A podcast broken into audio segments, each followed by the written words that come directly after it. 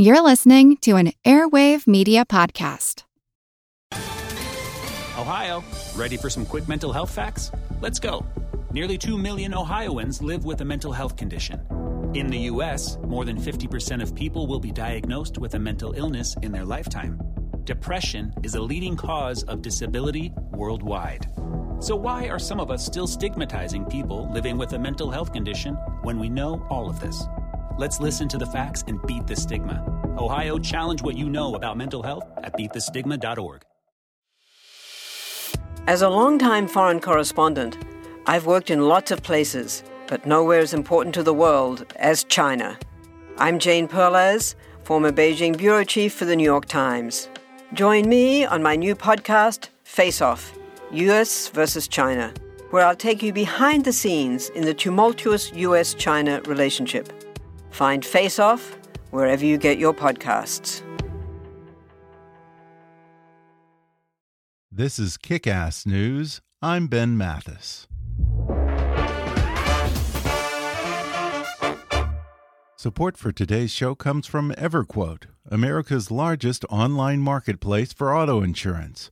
Only 5% of drivers pay less than $50 per month for auto insurance nationally, but EverQuote is helping change that with a proprietary matching algorithm that helps you find the right coverage at the right price. In fact, data shows that users who find auto insurance through EverQuote save an average of $536 per year. No wonder over 300,000 shoppers use EverQuote's insurance matching services every day. Take advantage of EverQuote's cutting-edge data and analytics and go to everquote.com/kick to compare coverage options today. Again, that's everquote.com/kick. And now, enjoy the show. Hi, I'm Ben Mathis. Welcome to Kick Ass News. Six years ago, journalist Vegas Tenold embedded himself among the members of three of America's most ideologically extreme white nationalist groups the KKK, the National Socialist Movement, and the Traditionalist Workers' Party. At the time, these groups were part of a disorganized counterculture that felt far from the mainstream, but since then, all that's changed. Racially motivated violence has been on open display at rallies in Charlottesville, Berkeley, Pikeville, Phoenix, and Boston. Membership in white nationalist organizations is rising, and national politicians, including the president, are validating their perceived grievances.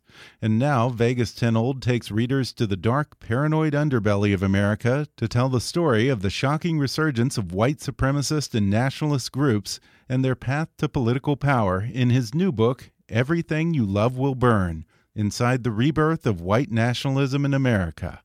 Today, he reveals how this self described Norwegian socialist managed to gain access to some of the worst hate groups in America, the surprising new recruiting ground being used by white supremacists, and why he says the most dangerous groups aren't the KKK or neo Nazis, but a new class of well organized activists that leave the white robes behind in a bid to take their ideology mainstream.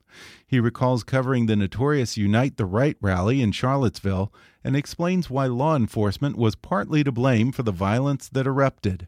He talks about some of the dog whistles that politicians used to signal fidelity with white nationalists, his experience watching the 2016 election returns with the head of the Traditionalist Workers' Party, and why he says these groups are ultimately doomed to fail. Plus, the dangers of being a bald white guy at a skinhead rally. Coming up with award winning journalist Vegas Tenold in just a moment.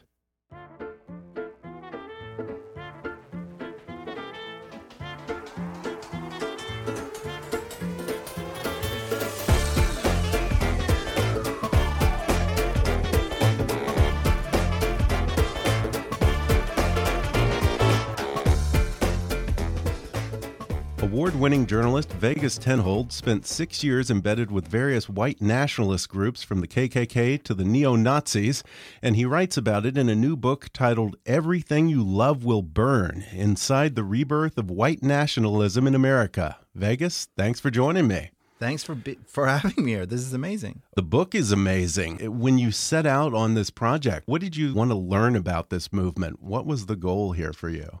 I just I was just kind of curious. I, I've always been interested in in fringe movements and sort of beliefs outside the mainstream and you know kooky people in in a way. Um, and I needed a, a, an article to do for for school for Columbia Journalism School, and so I found these these guys. Um, I started emailing all these web forums and, and, and online sites, and eventually some guy who said his name was Duke Schneider, um, lieutenant of the SS in, in Brooklyn, um, just emailed me back out of the blue, and he said he'll meet. And you know, we we we met a bunch of times. We we had pastries. We would go to. Um, we would go to. He would always want to meet way deep, deep, deep in, in Brooklyn, where, Uh-huh. where he lived, and we would. I I take the train, and there was a, there was an overpass just by the train station where he Yeah. it was it was all very cloak and dagger because he's a paranoid guy, right? And he would be under there in like I swear to God, he's a he's a very short, squat man. Like if you picture like a spherical dude, Yeah. uh, in a trench coat, right? That hardly fit. That he just sort of tied really tightly around his waist, and he was in the shadows like a like a like a like oh, a bizarre. round deep throat in a parking Was, garage. was this like one of those black leather trench coats like you see the SS wearing in the movies? no, was it, this- it was it was one of those beige cool Oh, okay. ones that Oh. Yeah that okay, didn't like look McGruff the crime dog, E- exactly yeah oh. like like or like Clouseau. exactly like that and he had his po- Oh. collar popped and you know when you when you have a, a a- a belt you tie on but the belt is too short so Yeah. there's no like loose ends on either end of the knot it's just like a Yeah. little it was kind of like that and then we would get into his his car his like beat up old Hyundai and he would tell me about you know maybe he saw a car outside his house that day that he didn't recognize. Or maybe he saw a guy down the street and he was like CIA or FBI or NSA or ADL or SPLC he was just like at some point I was convinced he was just like naming letters. Yeah. but these people were apparently uh, following him, and so we would have to like double back and go in circles and crisscross this relatively small neighborhood of Brooklyn, and we'd always end up like 200 yards down the street at a diner. So whoever was following us could have probably just like waited at the train station until they Yeah. saw us park a few hundred yards down the street. But anyway. Eventually, they invited me to their yearly convention. This Uh-huh. is the Nationalist Socialist Movement, which is, I, I guess, technically they're the biggest neo-Nazi group in the country, but that's all relative. That's not that many of them. Uh, but they invited me to their yearly thing, and, and I went, and uh, it became a chapter in the book. I wrote an article about it, and I thought that was that. I was kind of done. Um, but then I went back to Norway, which is where I'm from. Uh, and that summer, I was walking out of my, my job in, in Oslo as a uh, at a magazine when there was like this big old boom, and the windows rattled and kind of everything. It was very strange and, and frightening. Which is, of course, when Breivik detonated his bomb by by our, Right. our House of Government, and then he went to the island to to massacre seventy seven of our Yeah. you know best and brightest kids because he's a far right extremist and he believed that Islam was taking over Norway with the help of the government. Um, and this this really sort of brought home the dangers inherent uh, in um, far right extremism. We never had such a thing in Norway, and and I hadn't really thought about it in those terms. So I decided that you know this is something. Well, I didn't decide, but I felt for myself at least this is something we need to understand. And when I moved back to America, I had all these sources developed, and um, I went back to them, and I they introduced me to more Klansmen, skinheads, and it, it kind of just became this rabbit hole that I dove into because I wanted to find out why people believed in, you know, arguably the most hated ideology in, in, in recent history. And so I just kind of dove into this rabbit hole and just just came out. And how did you approach these groups like the KKK and the neo Nazis? I mean, how do you get in with them? What was your pitch to these guys? So my pitch was, I mean, first of all, I, I had a lot of time on my hands. There was no editor waiting for this story, so I could just sort of go and and be there and you know let them get used to me. But I was very honest about who I was. I mean, I'm a Norwegian socialist, right? I voted socialist all my life because you can do that in Norway and it, it matters. But um, and that's what I told them. But I told them that I didn't feel like anything good had been written about them. I I, I was interested in finding out about them as people. Hmm. I wasn't I wasn't out to do a hatchet job on them. I would you know I would be honest and I would write what I saw and and what I heard and. Uh, that I didn't have an axe to grind. And I think I, I just, you know, I, I, got in with the NSM after a while. They, I guess they, I don't know if they trusted me, but they got used to me being there, and that they introduced me to a Klans guy, and then he invited me to their rally, huh. and eventually it was just. There's Vegas again. Yeah. You know, six years down the road, there was no Hmm. I'm just always there. Yeah, they must have loved you. I mean, you're the Aryan ideal, I guess. A white Norwegian, you have the shaved head. Did that help? I don't want to say it's, it's bald. You can say okay. It. it's a it's a bald head. Okay. I yeah, you know, obviously it helped because I, I I did sort of visually fit in. Yeah, I guess. So there wasn't like a jarring reminder yeah. of, an, of an of an outsider of an outsider being there. But on the other hand, I imagine that there were probably times when you didn't exactly want to blend in with these groups because you might be putting a target on your back. I mean, there were like the first time when I they got attacked in, in Trenton, New Jersey in 2011 as they were having lasagna and meatballs. Um, someone came in and were like, "Ah, oh, the communists are attacking us," and I was the Bolsheviks. I, the Bolsheviks are coming.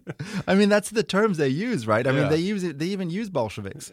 Yeah. Um, but so so I was right by the door, so I just kind of hop out out and uh, out into the street, and I see this little like phalanx of black bloc Antifa, you know, with masks, and you know they had hammers and they mm-hmm. had all kinds of stuff, and they see me like a bald dude, a oh, bald oh, white dude come out and they go, "Get him!"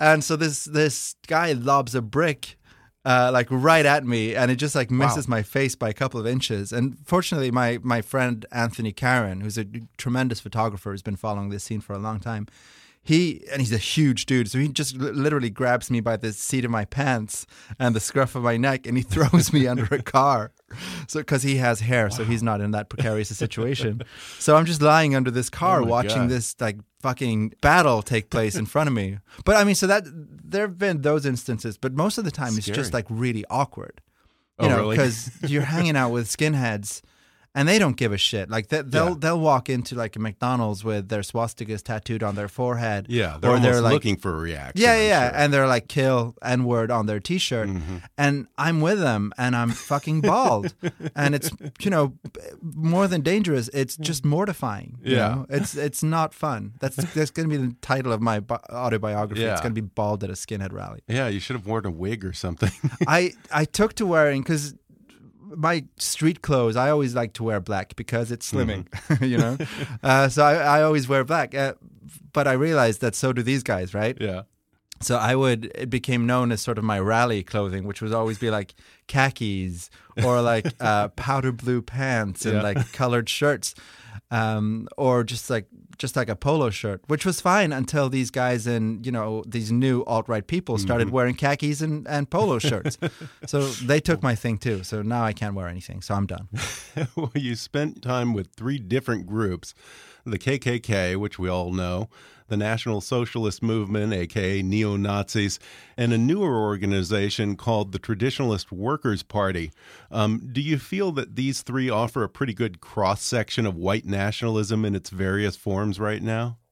Um, I think they did at the time mm -hmm. when I when I started following them. Of course, that was this was before Richard Spencer was really a name on the scene, and this was before right. these new you know college kids came on the scene. But the reason I chose these guys was because at the time they they represented three disparate um, approaches to to to white nationalism. You mm-hmm. had the very traditional American based KKK. You had the sort of the Hitler fetishization of the NSM. I mean, they would march under their swastikas. Uh, they would wear their SS uniforms. Basically, you know, they got accused for being live action role players, which I think is pretty close to the truth, only very hateful ones. Um, and then you had the Traditionalist Workers' Party. And Matthew, who at the time was their leader, was interesting to me because he wanted to do something. He said he wanted like a, a post racist white nationalism. He said stuff like, um, my race isn't better than any other race. It just so happens that it's my race, and I and I want to protect it. Um, he had this idea that you could get rid of white supremacy in, in white nationalism, which I which I think was proven wrong, and it was naive at the time. And I don't know, I don't really know how profoundly he believed it, but I, I do think he thought he could do that. Um, he would say things like, um, I, I met him after the Ferguson riots, and he would say things like, "Why is a predominantly African American town policed by a predominantly uh, white police force? White cops are racist." He would say stuff like that, which would yeah, kind which of almost sound rational. it almost sounds rational. And then he said, "The solution is a white ethno state," and hmm. which, which is where the wheels kind of kind of came off as well. And then he would say crazy stuff about Jews. You know, they all hmm. feel pretty strongly against Jews. So there were things he would say that sounded kind of pragmatic, and then there were things he would say that were mm-hmm. wildly offensive, which made him popular with press and interesting. Yeah, and some of these more traditional racist groups like the Klan seem so backwards and anachronistic. I mean, the Klan today, it just seems like it's kind of a, a racist Elks Lodge, you know, an excuse for a barbecue in the woods. You talk about botched cross burnings and a Klan wedding. Are, are you less afraid of these groups than you are of groups like the Traditionalist Workers' Party, which maybe disguise their racism a little better? Or? I think, I mean, yeah, I think the Klan, the reason we still hear about the Klan is that they're quote unquote sexy to the press. You know, they're, they're so visual Mm-hmm. Yeah, and they're so can see that. emblematic of, of white hate in America, but they're they're not a thing at all. Like the, they're, not going away. No, they're they're absolutely not relevant. Um, the SPLC just did their year in hate report, and the client the Klan has been in a steady decline because they don't do Twitter, and kids don't want to dress up in robes and and, Yeah. and set crosses on fire, right? Yeah. Um, I think you know the traditionalist workers party and those kind of guys are, are more dangerous in the sense that they're more palatable but they've also become very very extreme in the latter parts of the book i don't want to give it away but they you know they they go down the extremist path um, I think the real danger in, in, in all of this, like the, the Klan isn't going to march down Pennsylvania Avenue, right? 40,000 strong like they did in the 20s. right. Um, but look, you have a president now saying that he likes his departing advisor Gary Cohn, even though he's a globalist. Yeah. You know, by globalist he means Jew, right? Oh, interesting. You think Uh, so? Yeah. Well, that's that's what it means. That's code word for Jew. It's that's it's an so, old. so globalist equals Zionist. Is Yeah. that what you Yeah, uh, yeah. would say? Okay. uh, you know, Huh. you're talking about chain migration. All this Mm-hmm. stuff is stuff that started on the far right. So I think the real Mm-hmm. risk is what we're living right now, where the rhetoric and ideas of the far right have seeped into the mainstream. That's where Mm-hmm. the danger lies. I mean, you're not going to have a neo-Nazi president anytime soon, I think, but the fact that you can say stuff like this now and get away with it is Mhm. is what's scary. So you don't think that they will ever have any meaningful political power, at least not overtly, I mean, even though they aspire to. It sounds like. but look at the way the system is set up, right? It's a Mm-hmm. two party system. If you're not a Democrat or if you're not a Republican, you're going to have a hell of a time getting elected Mm-hmm. into anything. And sure, they can probably get on school boards and local city councils and they can do a lot of damage there. Um, but I think the real danger is that when the Republicans see this gaining traction, when it's, you know, when, when this whole notion of identity politics hmm when the GOP sees this becoming palatable, I think we've seen they're they're quite happy to to, to, to jump on this bandwagon. Now, I'm not calling the GOP a white nationalist party by any stretch of the imagination. I'm just saying they're if they see things get popular, I think you know the political establishment is ready to co-opt it. And I think the title of the book comes from something that Matthew Heimbach, the head of the Traditionalist Workers Party, said to you on election night. Right? What, what was that evening like? For So you? election night was. Um, I'm a liberal, so it was a bit of a shit show for me. but I was at Heimbach's place in, in Paoli, Indiana, and I'd spent a couple of days with him, and we were talking about what, what was going to happen that night. And I was saying stuff like, "I can't promise not to be a dick when Hillary wins," um, and he was like, that, oh, "That's fair enough." And he was writing his like secession letter to his troops because Secession. yeah, when Hillary becomes president, it will be so authoritarian and un- unbearable for white people. We'll have to secede. Really? So Yeah. he saw this as potentially being like the election of Abraham Lincoln. Yeah, this new- was going to be the final nail in the coffin. Interesting. Exactly. Uh, and, you know, my worry was that, you know, when Hillary became president the next day almost, no one was going to give a shit about these people anymore. So my book Mm. would go away. Um, but, you know, we were in his trailer with his friends Jason and his father in law, Matt Parrott, and uh, this other guy who was just like, and Miles, uh, and this guy with a gun who was just vaping the whole time. Um, and we were watching the returns on CNN, right? And Matthew and everyone was really they were pissed off at CNN because apparently they're owned by Jews and they were owned by Hillary.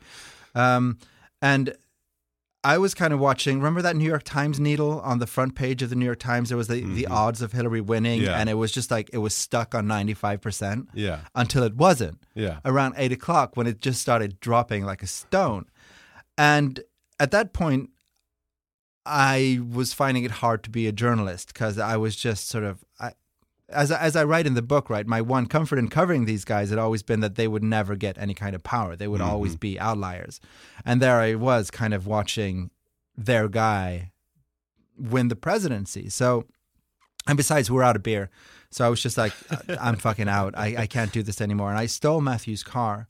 Um, and I and I drove it back to the hotel really slowly because I'd had a lot to drink.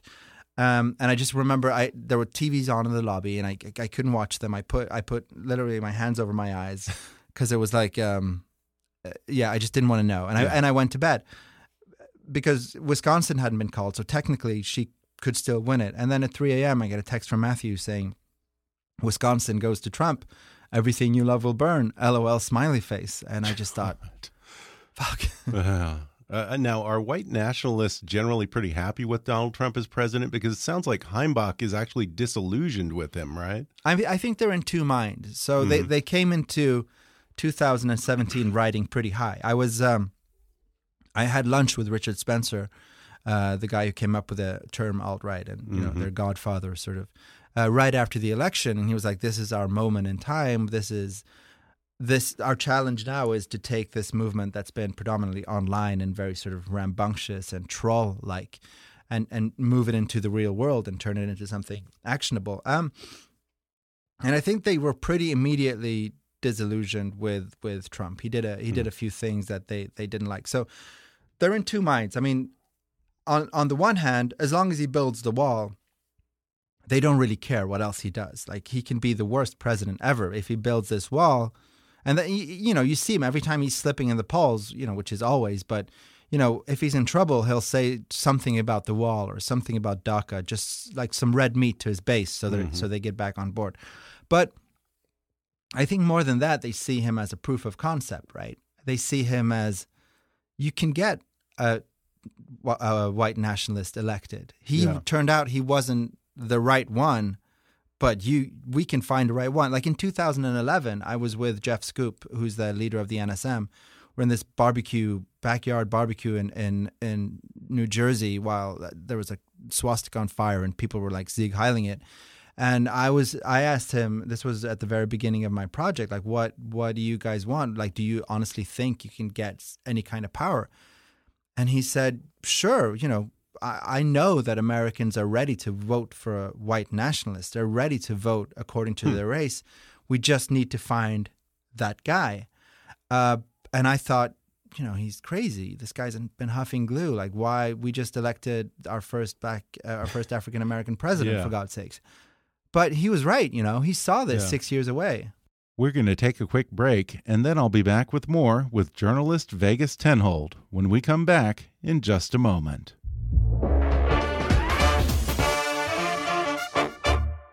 Support for today's show comes from Zyppah. You folks know what a sleep fanatic I am. It's essential to your physical and emotional health and the health of your relationship. And that's why I'm happy to welcome a new sponsor to the show, Zyppah. That's Happy Z spelled backwards. It's more than a snoring device. Zyppah is an American made boil and bite mouth guard that's a game changer in the bedroom. While other snoring devices only have one feature, they either advance the lower jaw or stabilize the tongue, Zyppah does both. There are no other snoring solutions like this in the world. Not to mention, the cost is less than $100, and since Zyppah custom molds to your mouth, it's so comfortable you don't even know it's there. Plus, it's been cleared by the FDA as safe and effective. But look, if you aren't happy with the product, you can return it within 90 days for a full refund. And it's no surprise that Zyppah has five star customer service and strives to maintain the highest reviews and ratings. Now, I wanted to test this product out, so I asked some of my friends about their own snoring problems and gave it to the one who had the worst case of snoring. He snores so loud that oftentimes his wife sleeps in the guest room rather than endure another sleepless night. Now, that's the kind of thing that can really take a toll on a marriage. He followed Zyppah's easy instructions, molded the boil and bite mouth guard to fit him, and went to bed. The very first night, he and his wife had their first peaceful, quiet night's sleep in years. So try Zyppah and start enjoying happy Z's every night, for your sake and the sake of the people sleeping near you. Just go to Zyppah, Z-Y-P-P-A-H dot com to learn more and use my code KICK for free shipping. That's Zyppah, Z-Y-P-P-A-H dot com and code KICK for free shipping. Hey folks, let me tell you about a company I love. We use them for our 800 number, and if you're an entrepreneur, a small business owner, or even if you have a side gig, you really need to know about Grasshopper, the entrepreneur's phone system. Grasshopper lets you run your business from your cell phone while keeping your business and personal lives separate. Choose from their huge inventory of local, toll free, and vanity toll free numbers. Simply forward your new number to your mobile phone and start taking calls immediately. Whether you're in an office, in your car, or out running errands, Grasshopper's iPhone and Android apps help you stay connected to your customers. Not to mention, you can send and receive calls and texts from your business phone number, set up multiple extensions for everyone on your team, get your voicemails transcribed and emailed to you, work from anywhere with call forwarding to make and receive calls from your computer via the desktop app, and even utilize Wi Fi calling. Better yet, Grasshopper offers easy and instant setup and 24 7 customer support, all without any long term contracts. Grasshopper, sign up today. Go to grasshopper.com slash kick to get $20 off your first month. That's grasshopper.com slash kick. And now, back to the podcast you talk about certain racist white nationalist dog whistles that politicians use that would be instantly recognizable to people in these groups. Uh, give us some examples of those phrases that white nationalists would recognize as a form of solidarity with their cause. Trump has been pretty overt, right? right. The the the latest version of like globalist is just the the the the last one. But you know, when he spent a good week saying that I don't know enough about David Duke. I don't know Right. enough about the KKK to Right. disavow him.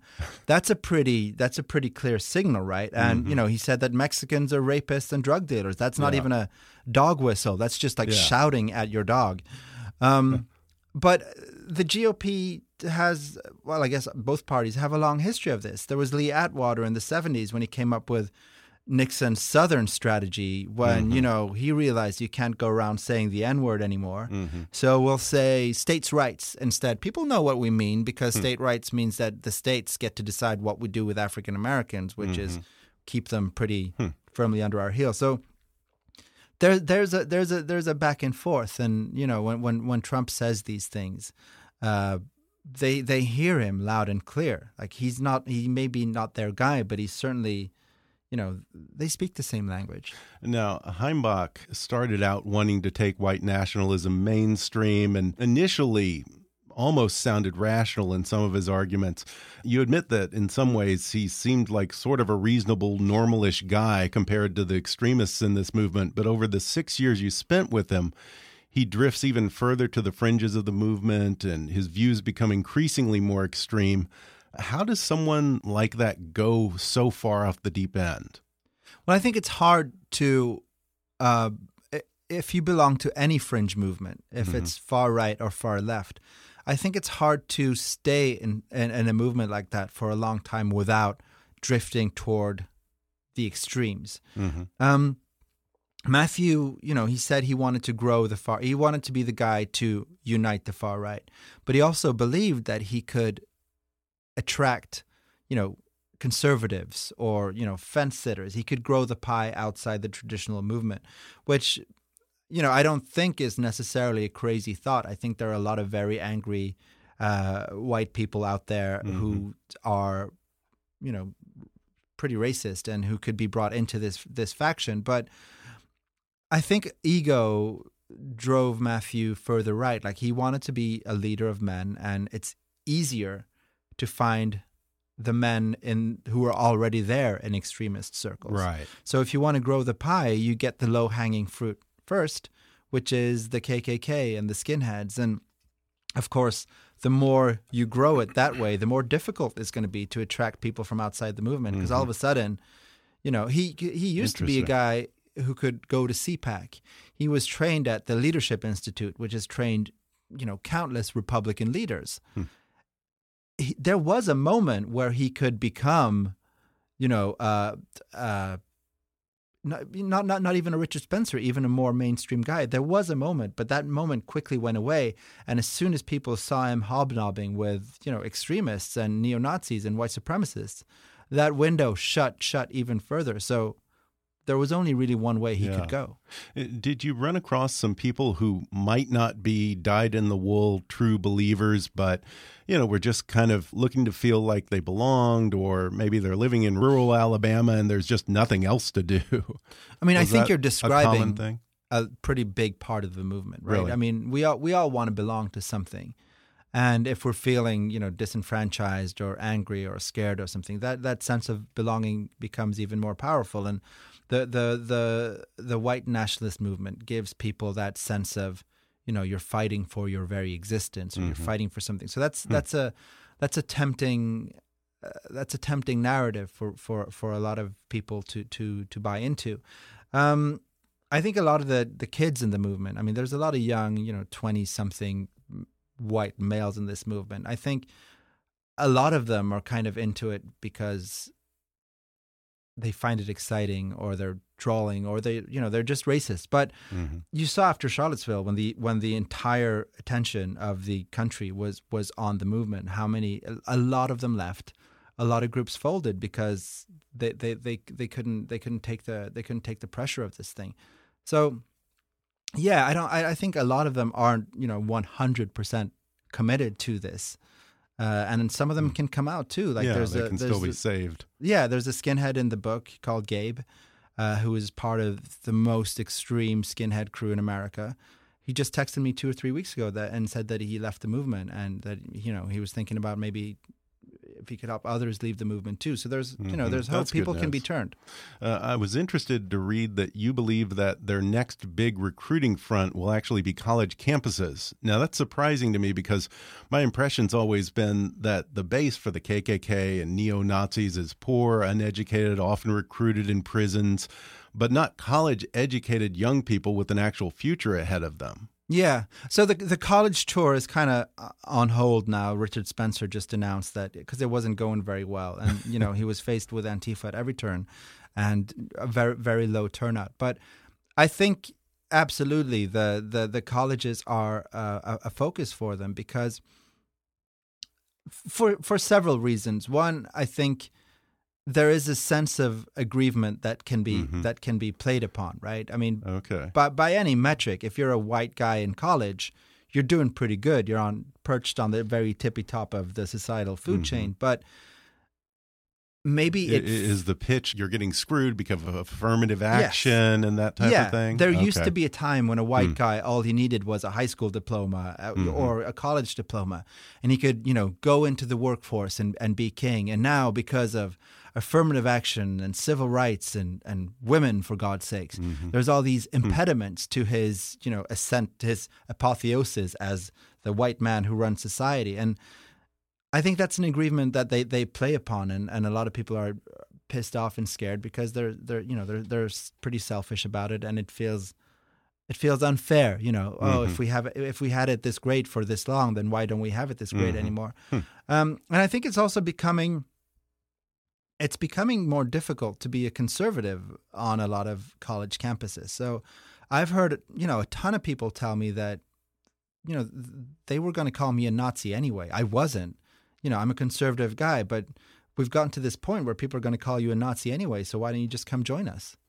Oh, interesting. And I think Huh. that resonates to to a lot. Like the center is going away, right? It's Mm-hmm. that it's that old poem that the the center doesn't hold anymore. Yeah. It's been beaten to death by every shitty journalist out there. but I think I think it's like it's an it's an apt metaphor. It's very difficult to be a moderate Democrat or Mm-hmm. or, or a conservative Republican people people want to go to the edges now. It seems. Yeah, I want to dig into that some more because you were present for the Charlottesville riots, and it started off as what they called the Unite the Right rally. Uh, Matthew was one of the organizers of it.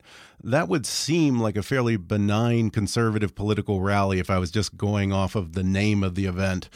Was there an aspect of the original organized event that fit in with, say, typical conservative or Tea Party ideology, small government, low taxes, maybe traditional social conservative issues, or was it always entirely about white nationalism? It it was entirely about white nationalism, mm -hmm. and you know, baked within that, of course, is traditional values and and and, and right. pro life, couch it in those terms, and all that stuff, mm -hmm. That's not the important aspect. The important aspect of it is is the white nationalism. Now, it's interesting with the Unite the Right rally because it was never about uniting the right. It was just well, maybe at the very very beginning, but as the attention, you know, you know, a lot of a lot of stuff was written about Charlottesville leading up to Charlottesville. Everyone mm-hmm. was talking about it, and these guys on the far right, there's a lot of ego there. So everyone wanted to be the guy talking at Charlottesville, mm-hmm. uh, which turned into like just this massive infighting. So leading up to Charlottesville, it was just chaos behind the scenes. Everyone hated each other. Everyone was fighting and bickering. And you know, was when I drove into to Charlottesville the day before, uh, Spencer announced he was going to do his torchlit parade. Um, I asked Matthew Heimbach about it. He said, "Well, that's fucking stupid. I told him not to because this and that and this and that." So they were never ever on the same page. And after Charlottesville, with the tragic death of of Heather Heyer and and and all that happened, you saw that if there had ever been a shred of unity, which I don't think there was, there certainly wasn't anything left of it afterwards because that just tore the entire movement apart.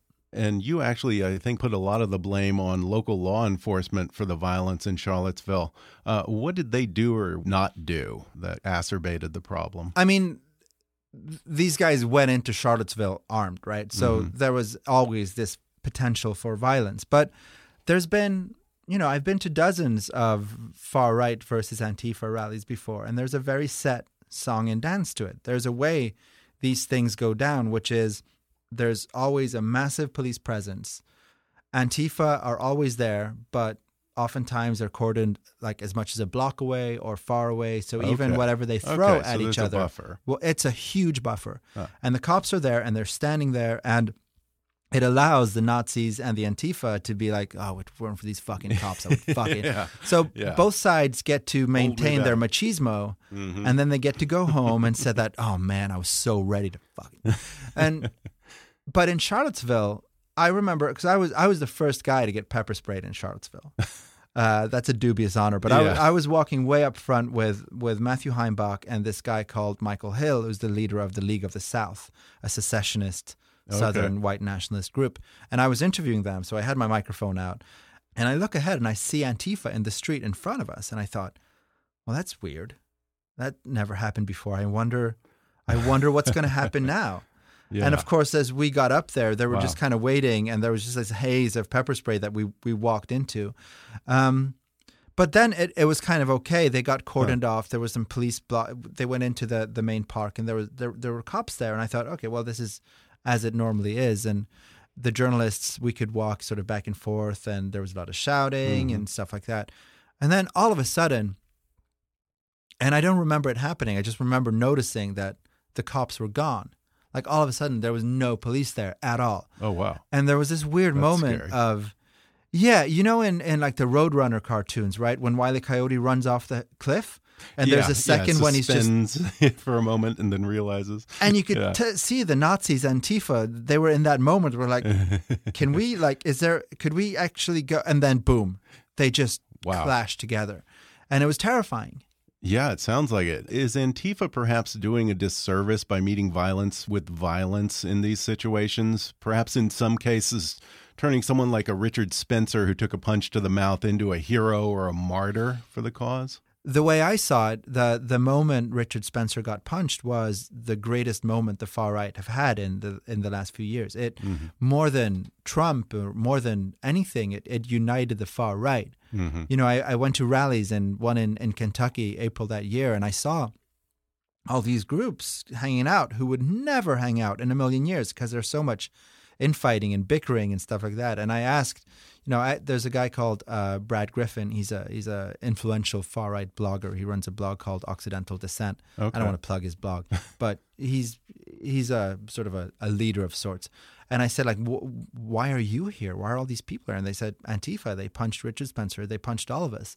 So, although I get the impulse, I think it's counterproductive because it has had a profound uniting and rallying effect. Mhm. Um, I, I, I don't think anyone ever had the racist beaten out of them. I, I don't I don't think it works, and I think you're seeing these increasingly violent clashes between the far right and Antifa, and they're, you know, they used to come armed with sticks or flagpoles or whatever they could get their hands on, and now you're seeing. You know, I've seen I've seen uh, knuckle dusters. I've seen obviously ARs and guns and hammers someone, you know, Heather Heyer already died, but someone is going to Yeah. get beaten to death or shot at one of these things. Wow, yeah, it reminds me of Gangs of New York, kind of. That's what it um, is. I mean, this this Klan guy I know, Richard Preston. There's a video of him shooting a gun into the crowd of people in Charlottesville, hmm. and you know, I'm, I'm not I'm not Scary. blaming Antifa on this, but I'm blaming it on this sort of increased violence Yeah. between the between the two parts. And it if if it worked, that would be one thing, but I don't mm-hmm. think it works. And now that these groups are starting to coalesce in some sense, is there any agreement on what their ultimate goal is as a movement? I think that's the that's the problem, right? Mm-hmm. Because what they agree on at the moment is that they hate Antifa Okay. and that they feel like it's a it's a battle and it's a war. And I think, you know, they all share the same end goal, the white ethno state, but mm-hmm. How do you get there? I don't think I don't think I don't think anyone knows. So, you know, I think if we want to it's it's clear that protesting these people work, right? I mean, Richard Spencer just canceled his tour. I, I don't think it's because of the fights with Antifa, but I think it's because of the protests mounted by Antifa, by by you know student groups and that kind of stuff. After Charlottesville, there was that big thing in in Boston, I believe, where yeah. I think 12 or 13 Nazis or nationalists showed up and like 1,500 peaceful protesters showed Yeah. up. That's how you defeat them. In Michigan, Mm-hmm. Antifa uh, started singing one of the songs from The Little Mermaid, and it was just like beautiful moment. That's how you defeat these people. Yeah. Don't don't uh, feed into their narratives of being warriors and Hmm. Yeah. fighters. Yeah. Don't don't give them that. okay. Uh, just you know, mock Peaceful them and protest. protest them and yeah. Well, it's like what was that video of the person who followed the Klan with a tuba and played stupid cartoon tuba music to their it's, march? It's absolutely perfect. They're not smart. They don't make sense. They're not dangerous. Yeah. We can defeat them easily. This white nationalist movement in the U.S. sort of mirrors movements that we've seen in Europe recently, particularly in the former Eastern European states like Poland and Hungary. Has there been much of an effort to unite these under one global umbrella? That's been sort of the recent developments that we've Mm-hmm. seen. They've they've seen that it's you know it's tough to gain any kind of real political power in America, Mm-hmm. and they want to see their struggle as an international one. Sort of nationalists of all nationalities getting together, and that's why they all look to Russia now because Russia's been become the shining Yeah. city on the hill. For Interesting. yeah, it's and Putin has, you know, he's worked to build that up. Yeah, and there's been speculation that Matthew is funded by Russia or Russian oligarchs. You say that all of these various Nazis and nationalists are vying for support from Russia. Uh, is there any indication that they've been successful in getting that support? I think they very much want to be funded by Russia, as you Mm-hmm. say. Um, if if they have like a Russian sugar daddy, I certainly, you know, I've been to their houses. Yeah. I've I've seen their cars. Uh, if they have money, they're they're hiding it pretty well. Mm-hmm. I mean, Richard Spencer, I guess, has his own money. He's coming. He's a pretty he's a pretty affluent guy in his own right, I guess, or his family is. But um, I think so far we haven't seen anything like what we've seen in Europe. In Europe, they have funded, you know, via loans and, and stuff. They've funded the Front National in France, got a loan from some for a few million euros. Putin, for the last decade or so, has really built up Russia as like a bastion of traditional values. Right. The issues that they would find common cause with, with gay rights, and Exactly. anti-immigration policies, and he didn't care so about forth. that. Yeah. Ten years ago, he didn't care about it hmm. because his his thing has always been to build up like a Russian identity, and up until like mm-hmm. 2006, 2007, that was being rich. Yeah. You know, oil prices were soaring, so Yeah. it wasn't really hard to unite Russia. But but then when they tumbled, he needed something. He needed Mm.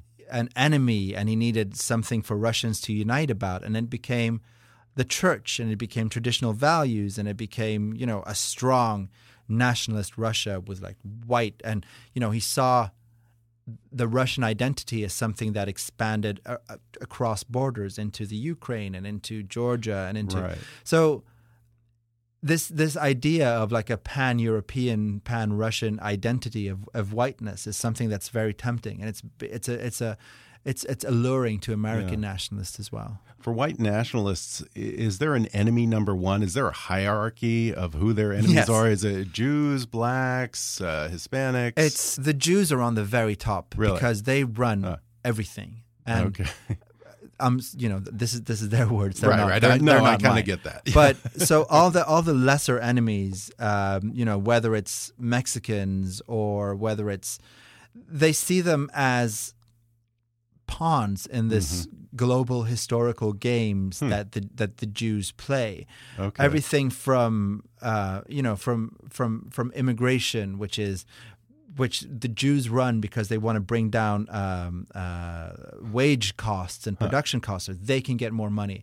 They want to. Um, Okay. f- feminism is run by Jews because they want abortion to be a thing, so the white race will eventually decimate itself. Okay. Um, and this is not just the neo Nazis ideology. This crosses over to the KKK and the TWP. They all see Jews as enemy number one. huh? Yeah, they have uh, Okay. to various degrees, but they all, you know, they all see the the the the, the, the nefarious hand of the of the globalist Jew, and I that was one of Hmm. The things that kind of surprised me the most as I started covering this because I thought that crazy conspiratorial kind of anti-Semitism was Long dead. Long, Yeah. long dead. Exactly. I thought, okay, sure, I get that there's like a racism and there's anti-Semitism, but the belief that there are like almost secret meetings, secret Yeah. bi-weekly meetings where they decide how do we do this, how do we run the world this week, Yeah. um, is still there, and I was I was shocked. Mm. But I think it's because the world is a confusing, baffling place for for these people, so Mm-hmm. they want to make these, you know, conspiracies that explain it to them becomes very tempting Yeah. and becomes very seductive. Uh, how did spending so much time around all of this hate affect you? Did it make you more cynical, depressed? Did it take an emotional toll? It it helped me a lot that I was able to be so honest with who I was and, and, and what I believed. So Mm-hmm. Okay. I, I got to fight back a whole uh, you know a whole lot of time. I didn't have to just sit there as a fly on the wall and sort of marinate Yeah. and, and all this garbage. So after a you know if I'd spent two or three days with them in a row, by day three I was a little bit frazzled. So I would be a lot more combative. I would Mm-hmm. just you know. Whereas on day one, I would say, "Oh, that's interesting. Tell me more." day three, I'd be like, "This is up. fucking crazy." Yeah. Like, I don't want to hear that there are no-go zones with Sharia law in Norway. I'm from Norway. My brother lives in this place. He lives in this fucking no-go zone. It's bullshit. Shut up. Well, before we go, what scares you most about white nationalism? Um, I think it's scary that we're so susceptible to it as a as a society. We haven't been able to formulate a good way to fight it yet. Mhm. because populism sells easy solutions, right? You're Yeah, unemployed, yeah. you're broke because of Mexicans. Whereas if you want to really do something about it, that takes complex policy. Yeah. It takes understanding. yeah. And if you want to win an election, bumper sticker. Exactly. So it's hard to win an election on something that only fits on the world's biggest bumper sticker, you know? Yeah. So that's what's terrifying. Yeah. It's not necessarily the Nazis, but it's that the entire West is being swallowed by this hmm. fear of people coming and taking. Yeah. our stuff, you know, and we're turning away people who need our help. We're turning away families who are dying in the Mediterranean, or you know, to get to Norway, there's a route where you walk from basically you walk from Greece through Russia, and then you get into northern Norway, which is fucking far Yeah. and then we turn them away because we're hmm. afraid they're going to take over our society or infect us with our values. And that's scary to me. Yeah, well, it is a truly fascinating book. It's called Everything You Love Will Burn Inside the Rebirth of White Nationalism in America. Vegas Tenold, thanks so much for talking with me. Thank you so much. This was really great. Thanks again to Vegas Tenold for coming on the podcast. Order his book, Everything You Love Will Burn Inside the Rebirth of White Nationalism in America, on Amazon or Audible, and follow him on Twitter at, at Vegas Tenold. Today's episode was sponsored by Untuck It. It's never a good look when you untuck a long, bulky dress shirt. That's why Untuck It makes shirts designed to be worn untucked. Casual shirts that are not too long and not too short shirts that GQ calls perfection. Log on to untuckit.com and use the promo code KICK for 20% off. Stop hiding your shirt with your pants or your pants with your shirt. Untuckit.com, your solution to perfecting casual. If you haven't already, be sure to subscribe to Kickass News on iTunes and leave us a review. You can follow us on Facebook or on Twitter at, at KickassNewsPod. And as always, I welcome your comments, questions, and ideas at comments at kickassnews.com. I'm Ben Mathis, and thanks for listening to Kickass News.